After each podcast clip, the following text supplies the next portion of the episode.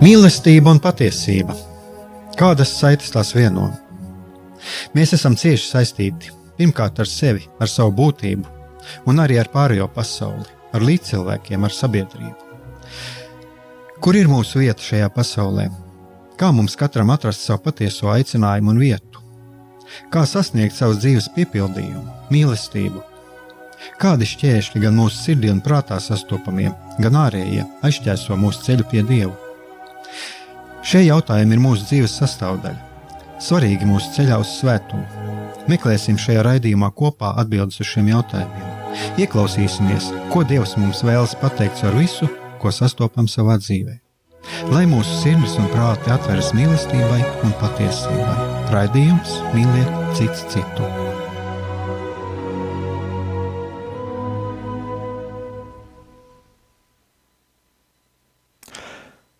Lai top slavēts Jēzus Kristus, esiet sveicināti, darbie radio klausītāji. Studijā atkal esmu es, Aigars Brīsmans. Šis ir redzējums mīlēt cits citu.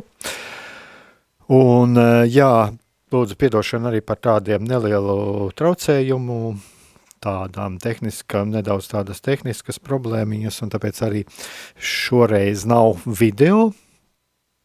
Un cerams, cerams, kādā ar laiku nākamajā raidījumā, piemēram, jau šis video būs. Un eh, tātad šis ir raidījums mīlēt cits citu, un kā jau darba dienas vidū, kā jau es iepriekš teicu, vēl nav izdevies dabūt kādu viesi, bet man ir padomā gan viesi, gan arī kāds ieraksts, un tāpēc es šodien atkal uh, esmu ķēries pie kāda kādas pāvesta homīlijas. E, šoreiz ir tas, ko pāvests teica 25. septembrī Materā, Itālijā, lai ce celebrētu uh, 27. Nacionālā Euharistijas kongresa noslēguma svēto misi.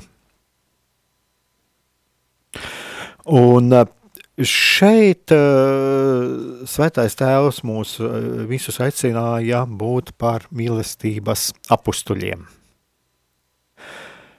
Un, uh,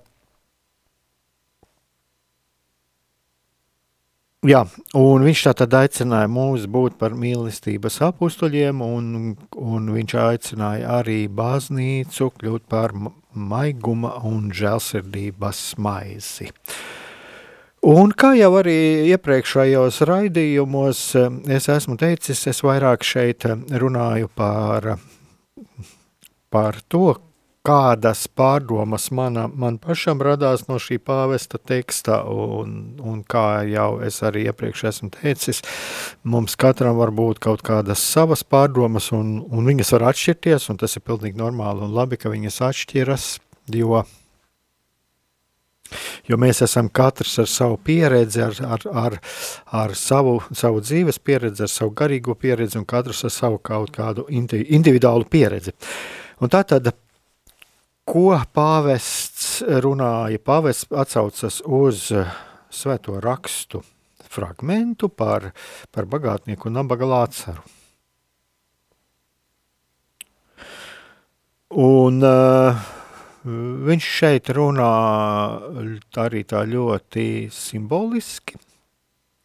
Un viņš runā piemēram par to, ka maize uz pasaules galdiem nevienmēr tiek dalīta, nevienmēr izplatās vienotības smarža, nevienmēr notiek taisnīga maizes laušana.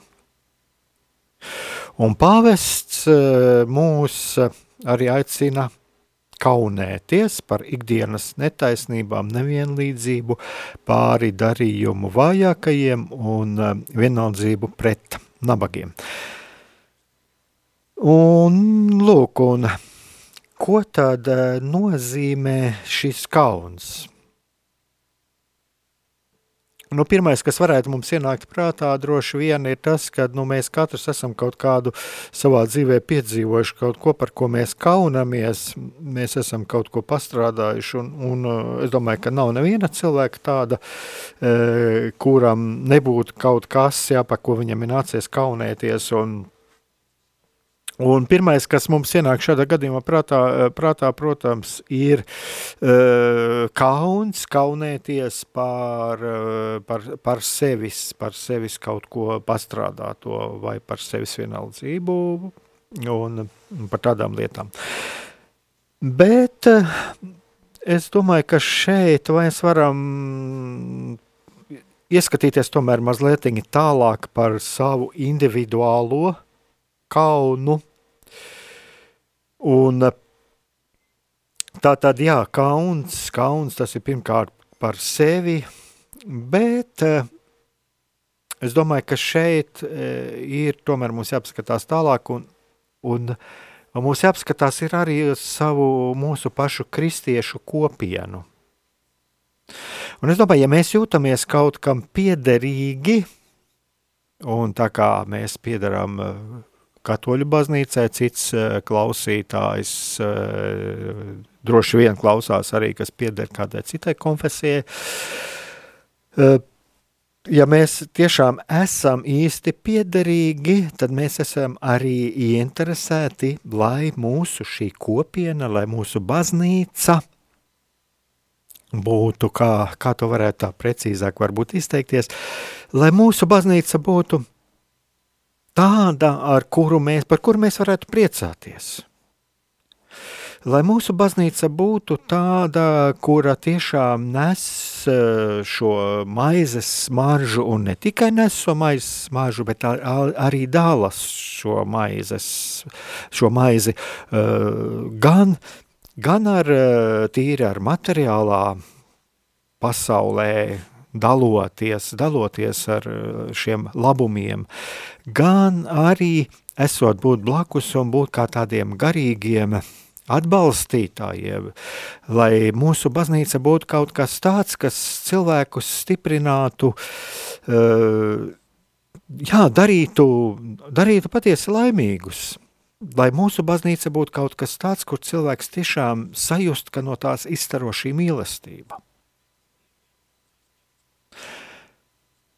Un tieši tāpēc eh, man eh, kaut kā šo lasot, eh, radās šī doma. Tātad kauns, jā, tas ir, pirmkārt, mums ir bieži vien kauns par sevi. Bet, ja mums nav kauns ja mēs neizjūtam par to kaunu, par to, kas eh, notiek mūsu baznīcā, kādreiz par, eh, par tiem pārkāpumiem, kas ir notikuši mūsu baznīcās, mūsu kopienās, tad mums ir jāuzdod tomēr arī jautājums, cik tālu un kāpēc mēs atrodamies savā baznīcā, kāpēc mēs atrodamies savā kopienā. Vai varbūt mēs tur atrodamies tikai tāpēc, ka mēs tur jūtamies komfortabli? Un, ja mēs atrodamies tur tikai tāpēc, lai mēs saņemtu kaut kādu komfortu, vai tā īstā ir šī īstā un pareizā piederība? Tātad uzdot šo jautājumu, vai mēs sajūtam kaunu kādreiz, kad mēs piedzīvojam, ka uh, ka mūsu baznīcā notiek kaut kādi grēki, kad eh, no mūsu baznīcas vides eh, nāk kaut kādi ievainojumi, pārkāpumi. Vai tad mēs patiesībā esam īsti piederīgi šai baznīcai? Un ko mēs tur darām? Un mēs varam paskatīties arī uz citu pusi. Vai mēs jūtamies priecīgi? Vai mēs sajūtam prieku par, eh, par to, ka baznīca uh, ir paveikusi kaut ko labu, ka tā, nes, uh, ka, ne, ka tā nes mīlestību pasaulē un ka tā, ja, ka tā sludina šo mīlestību, mēs, vai mēs sajūtam prieku arī par to, par to, par tām baznīcas institūcijām, kas nodarbojas ar žēlsirdības darbiem, kas palīdz cilvēkiem gan fiziski, un, gan fiziski, gan garīgi, vai mēs sajūtam šo prieku? Un, manuprāt, ja mēs sajūtam šo, gan šo prieku, gan attiecīgajos brīžos šo kaunu, ka, ka mēs, ja mēs sajūtam atšt, at, atkarībā no šīs situācijas, kas notiek, ja mēs sajūtam šo, šīs, šīs sajūtas, ja mēs izjūtam gan šo kaunu, tad, kad ir par ko kaunēties, ja mēs izjūtam šo prieku, tad, kad mums ir e, par ko priecāties par to, kas notiek mūsu baznīcā, tad mēs tiešām, tad mēs tiešām esam īsti piederīgi savai baznīcai.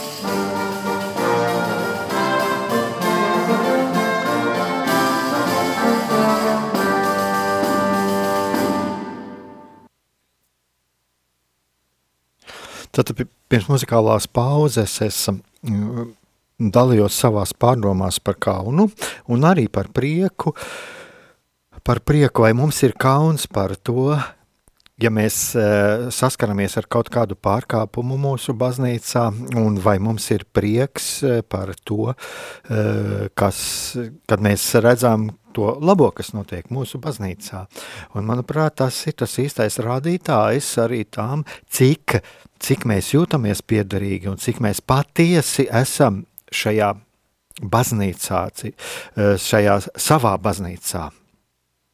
Un eh, turpinot eh, šo tēmu, un es atkal ieskatīšos to, ko, ko runāja pāvests svētdienas, šajā svētdienas homīlijā, un kur viņš atsaucās uz evaņģēliju fragmentu par nabaga lācaru un bagātnieku, Un eh, pāvests runā par šīm pretrunām. No vienas puses šis bagātnieks, un otrs nabadzīgais lācars, kurš atrodas pie viņa durvis liekšņa un gaida, ka kāda drumstēla nokritīs no bagātnieka galda, lai varētu remdēt savu izsaukumu. Pāvests atzīmē, ka tā ir pretruna, ko mēs redzam katru dienu. Un, protams, mēs uh, saskaramies ar to, un uh, ir svarīgi arī ieklausīties sevī, vai mēs kādreiz neesam noslāpējuši sevī kaut ko, kas mums varētu mm, tiešām pamudināt, palīdzēt tiem cilvēkiem, kam ir vajadzīga šī palīdzība. Bet uh, pāvests arī aicina mums jautāt arī par to, uz ko mūs aicina Euharistijas sakraments, kas ir kristieša dzīves avots un piepildījums. Tātad eh, pāvests, ko saka, tātad eh, sastopoties ar šo pretrunu, varam jautāt, uz ko mūs aicina Euharistijas sakraments, kas ir kristieša dzīves avots un piepildījums. Un eh, man vēl arī šo izlasot un vēl dodoties šeit uz jautājumu, arī radās tāds – par ko mēs eh, ļoti bieži mm, saskaramies un par ko arī kādreiz baznīcā reiz reizē tiek runāts, ar kādu mēķi mēs dodamies uz baznīcu, ar kādu mēķi mēs dodamies uz svēto misi. Vai mēs dodamies tikai pienākuma pēc, ieraduma pēc, vai mēs tur dodamies uz pie Jēzus, vai mēs tur tiešām dodamies tur, lūk, pie šī evaharistijas sakramenta, kas patiesībā, kā arī pāvēts saka, ir šis kristieša dzīves avots un piepildījums. Vai mēs tur saskatām pašu Jēzu? Tas ir viens jautājums, eh, un, protams, ir labi, ja mēs arī ejam uz baznīcu. Un, eh, jo pretējā gadījumā mēs arī varam, mēģinot rakājoties sevi un savās izjūtās, mēs eh, varam, varam pat sev nodarīt pāri, jo nevienmēr mēs tieši sajūtam šo Dieva klātbūtni baznīcā, savā kalpošanā, un tas ir pilnīgi no, normāli, jo ir gan šī garīgā atstātība, gan arī šis garīgā mierinājums, sajūtas un visi šie procesi, kas mūsos notiek. Bet eh, šeit, es domāju, vairāk ir jautājums par šo ticību. Un es varu atzīties pats, ka man pašam ir ļoti bieži jāuzdod sev šis jautājums, vai tas ir man kaut kāds rituāls eh, katru svētdienu, vai tad, ja es netieku internetā tiešraidē pieslēgties pie mises, kas, protams, ir labi. Vai, vai tiešām tas ir tā, ka es tiešām dodos uz, uz baznīcu, lai es būtu kopā ar Jēzu, lai es būtu kopā ar Dievu?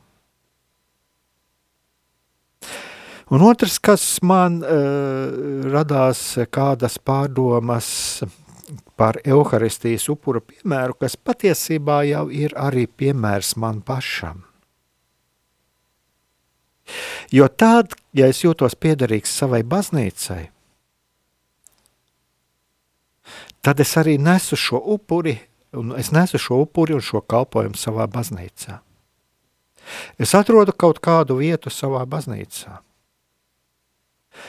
Un, ja es tiešām esmu atradis šo vietu savā baznīcā, patiesi es atradu šo vietu, tad es esmu arī tas, kurš nes šo, kā pāvests saka, kurš nes šo maizes smaržu uh, un šo mīlestības un vienotības smaržu arī ārpus baznīcas, kurš nes šo smaržu un šos mīlestības darbus uh, ārpus baznīcas mūriem, ārpus mūsu kopienas mūriem, tad es esmu tas, kurš eh, nes šo, šo mīlestību, šo dievu mīlestības liecību.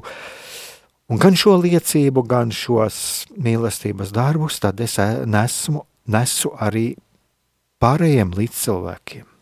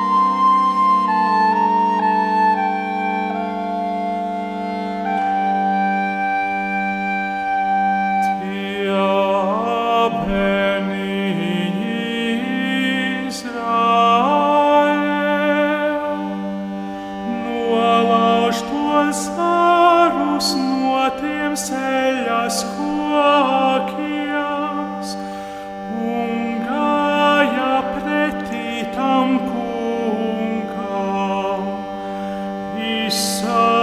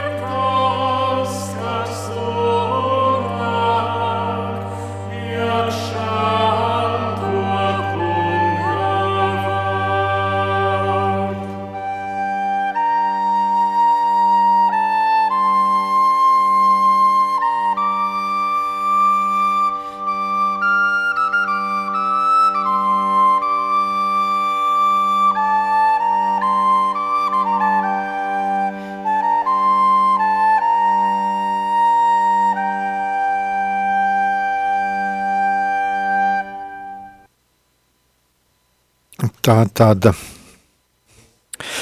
evaharistija, kā, kā tāds upura piemērs mums katram pašam.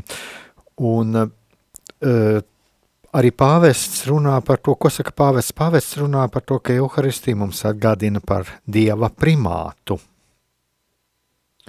Un bez tam tā mūs aicina mīlēt brāļus. Un, lūk, es domāju, ka arī šeit ir tāda tā atbilde, ko pāvests arī dod par šo, ja tā mūs aicina mīlēt brāļus. Un tas, eh, tur es saskatu tādu piemēru arī pašam sev. Bet tālāk, eh, atkal atgriežoties pie pāvesta teiktā, Ko saka pāvests? Pāvests saka, ka evaņģēlē aprakstītā bagātnieka dzīvē nav vietas dievam, jo viņš tik ļoti pielūdz sevi, ka ir pazaudējis savu vārdu.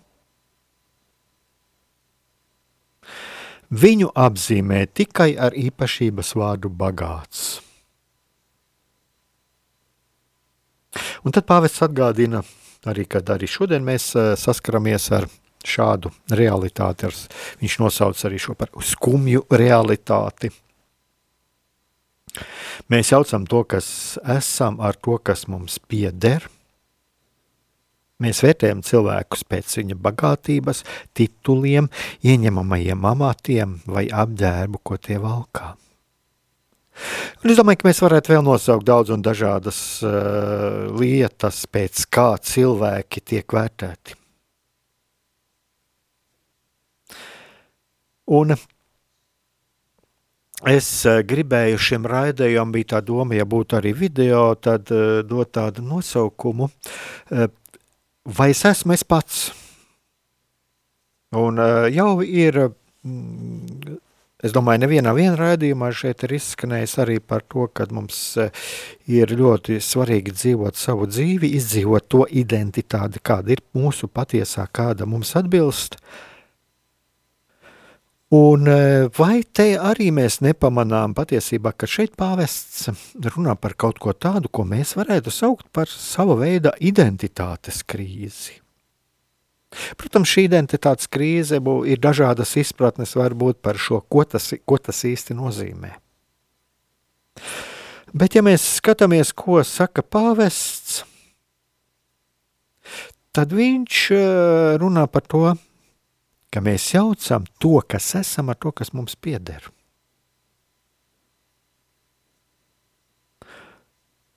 Un šeit jau varam padomāt tiešām par to, vai mēs dzīvojam savu dzīvi,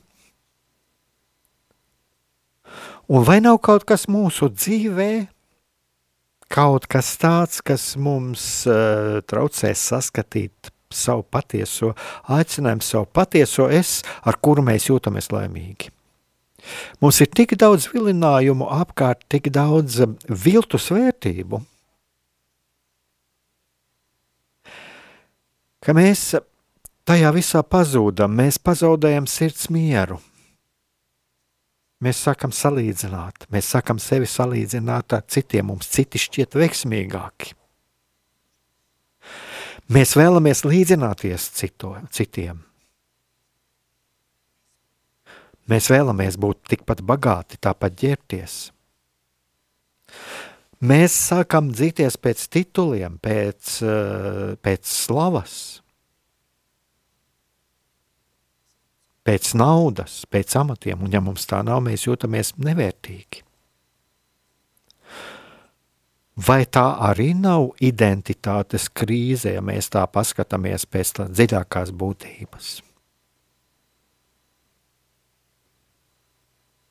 Un cik daudz enerģijas mēs nepatērējam, lai to, lai šos viltus eh, grabuļus, dzenoties pēc šiem viltus grabuļiem, kuri, kurus, kuri mūžības priekšā mums neko nenozīmē, vai mēs nepatērējam ļoti daudz savas enerģijas un bieži vien arī citu enerģijas, un mēs padarām nelaimīgus sevi un citus.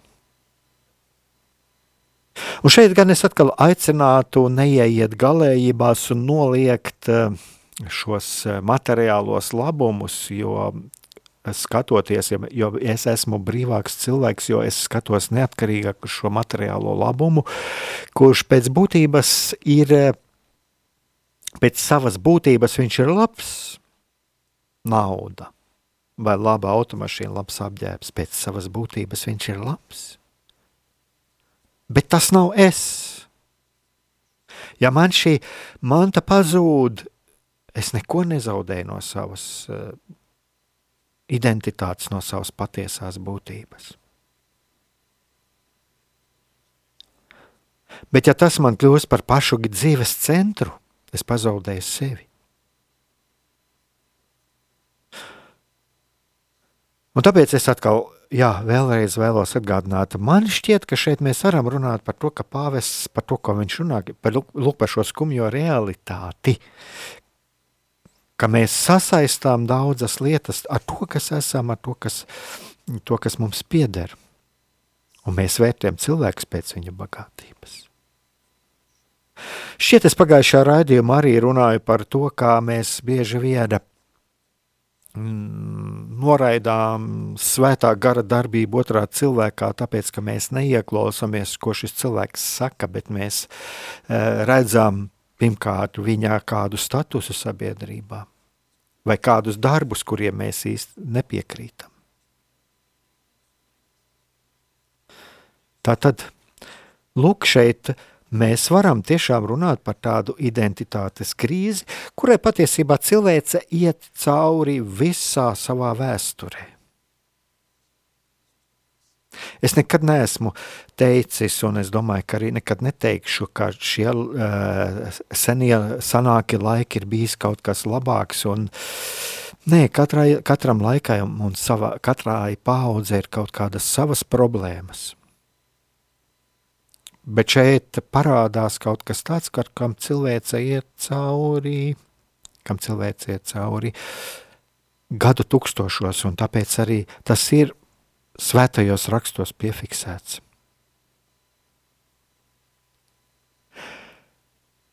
Un, bet tā pašā laikā es gribētu mazliet, vēl, man radās vēl dažas lietas, ar ko es tomēr gribētu padalīties, kas šeit nav tieši teikts, bet tā manta, pie kuras mēs pieturamies, var arī būt mans savais, savs šaurais ego, man, kaut kāds mans šaurais pasaules redzējums, no kuras tik ļoti baidos, ka es konfliktēju ar, ar to, ja cits mēģina man skaidrot, kad varbūt es kaut kur kļūdos. Un tā arī var būt viltus identitāte Jo ir arī tik daudz runāts par kaut kādiem šiem cietokšņiem, kuros mēs ieslēdzamies un noslēdzamies no pasaules.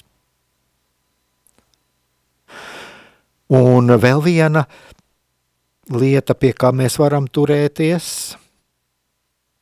tā ir veiksme.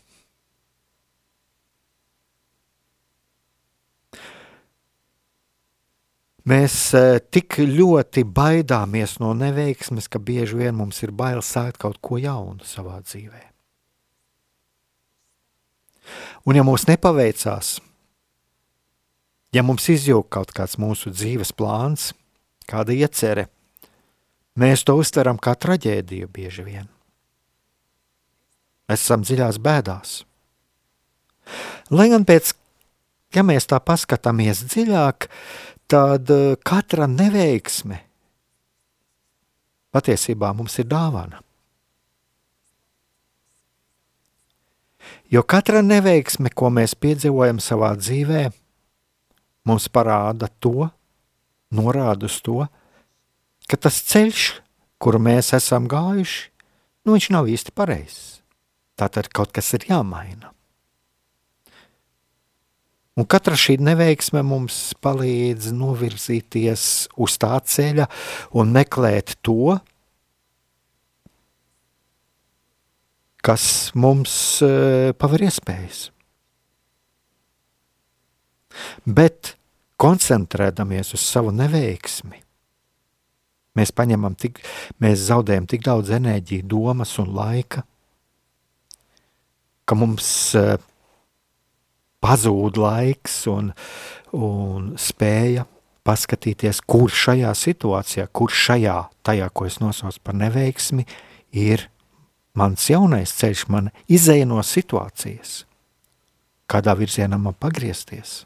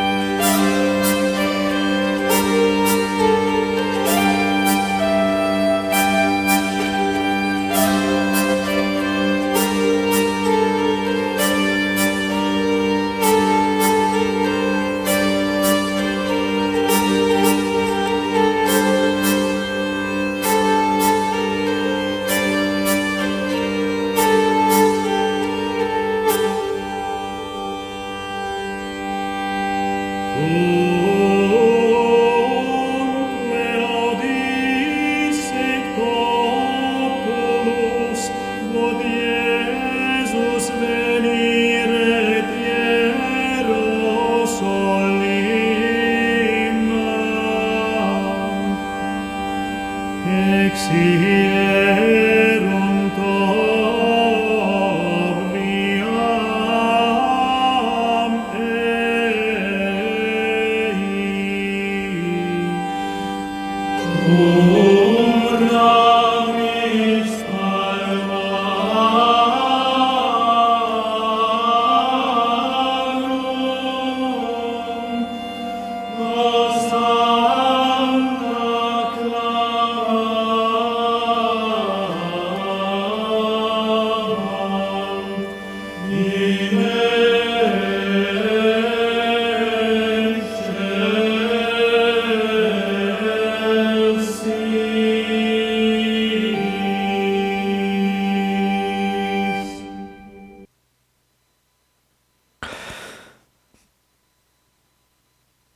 runā par to,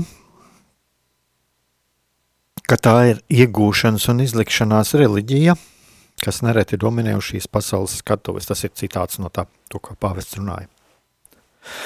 Bet beigās tā atstāja mūsu tukšām rokām. Tātad lūk šī,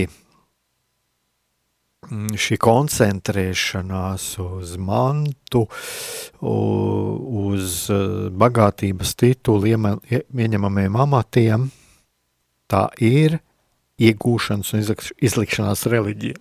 Nu, arī šī koncentrēšanās un šo cilvēku vērtēšana pēc galvenokārt pēc tā.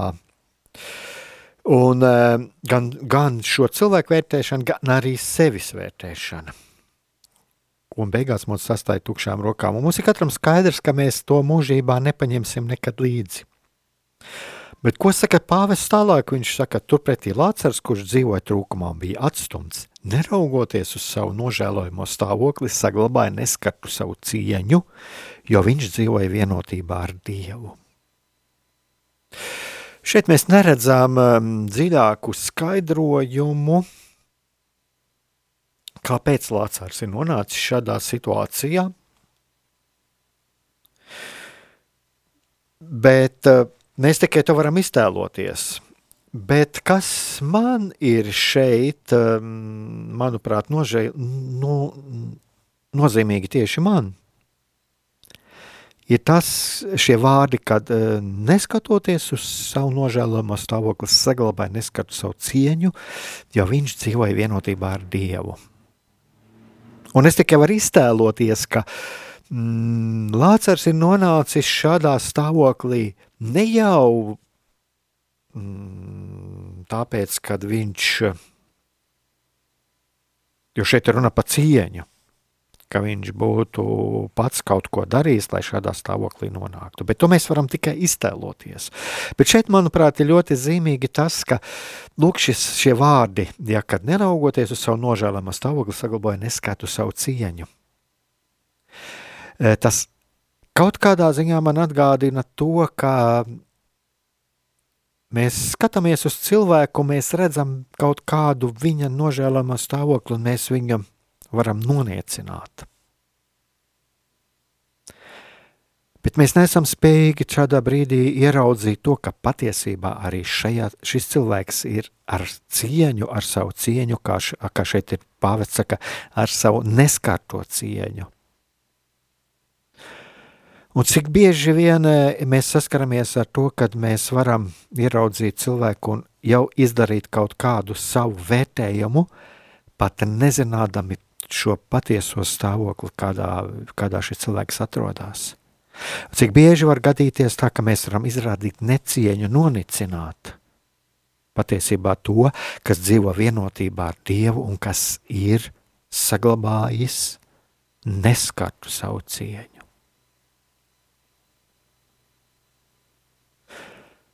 Un pāvests tālāk turpina. Un, eh, jā, tas varbūt arī mazliet var sasaukties jau ar ko es, ko es runāju jau raidījuma sākumā, ka viņš norāda to, ka tas parāda izaicinājumu, ko mums noliek priekšā Euharistija, pielūgt, se, pielūgt nevis sevi, bet Dievu. Un eh, vismaz man eh, šis, atgād, šis atgādina arī šos piemērus no svētajiem rakstiem, jo tā kā šeit ir runāts par šo cieņu, um, par šo Lācara neskalto cieņu, tad jā, mēs arī redzam svētajā raksta, svētajos rakstos, kas notika ar Jēzu pēc tā, kad viņš tika notiesās, lai viņu uh, sistu krustā, kā viņš tika pazemots. Un būtībā viņš arī ārēji jau izskatījās pēc tāda, kurš varētu domāt, kur, kurš ir sagrauts, kuram ir šī cieņa sagrauta, bet iekšēji viņš palika, viņš savu cieņu saglabāja. Mēs varam atcerēties kaut vai to, kā pie virs, virspriestera kalpa viņš aizstāvēja savu cieņu, kad viņam sita.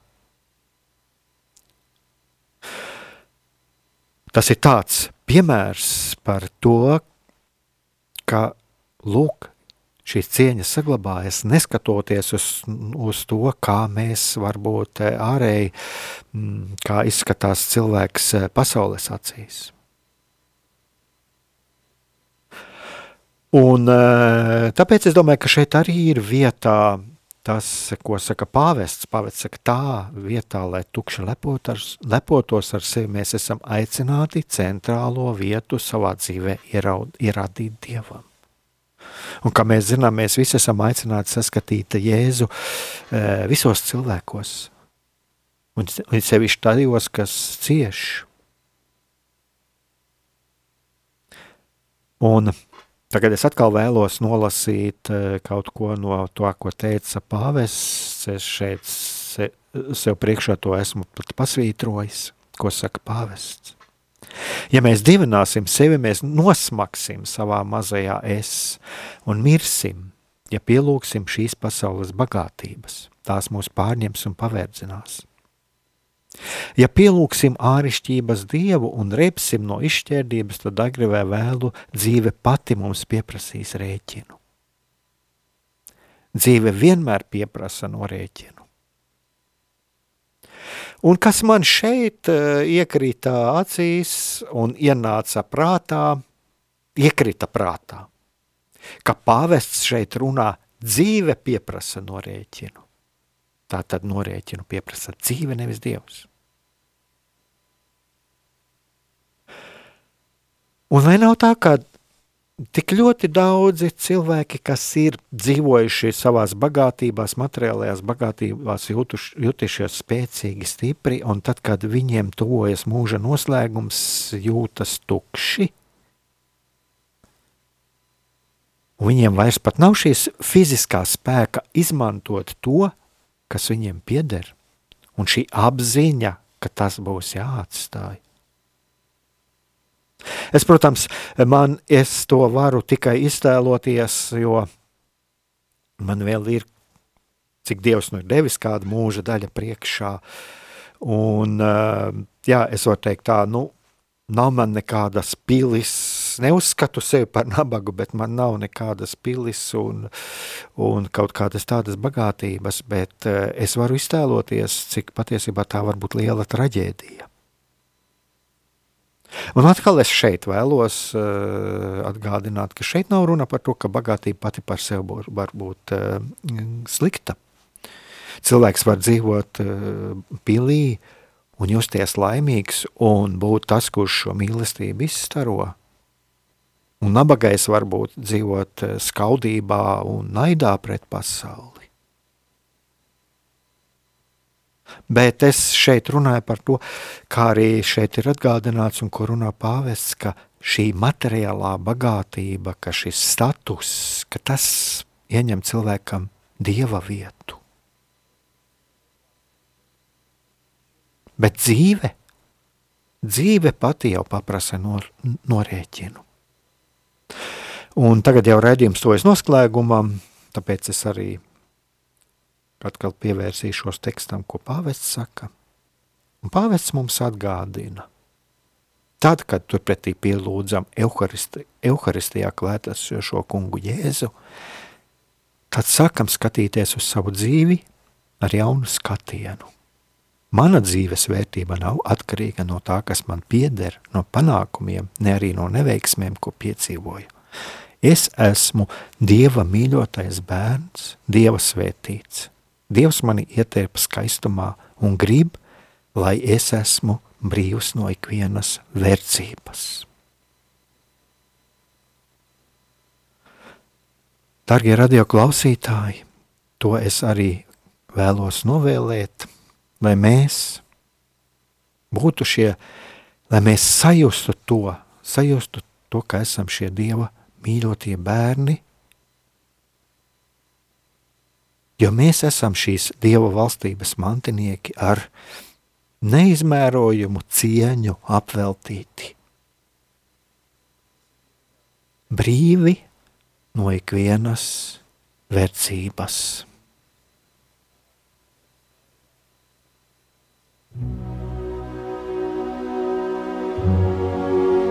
Mīlestība un patiesība. Kādas saites tās vieno? Mēs esam cieši saistīti pirmkārt ar sevi, ar savu būtību, un arī ar pārējo pasauli, ar līdzcilvēkiem, ar sabiedrību. Kur ir mūsu vieta šajā pasaulē? Kā mums katram atrast savu patieso aicinājumu un vietu? Kā sasniegt savas dzīves piepildījumu, mīlestību?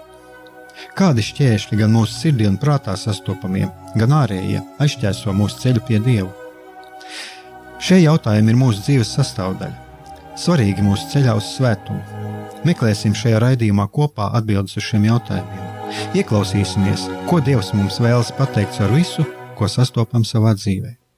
Lai mūsu sirds un prāti atveras mīlestībai un patiesībai, raidījums mīliet citu citu.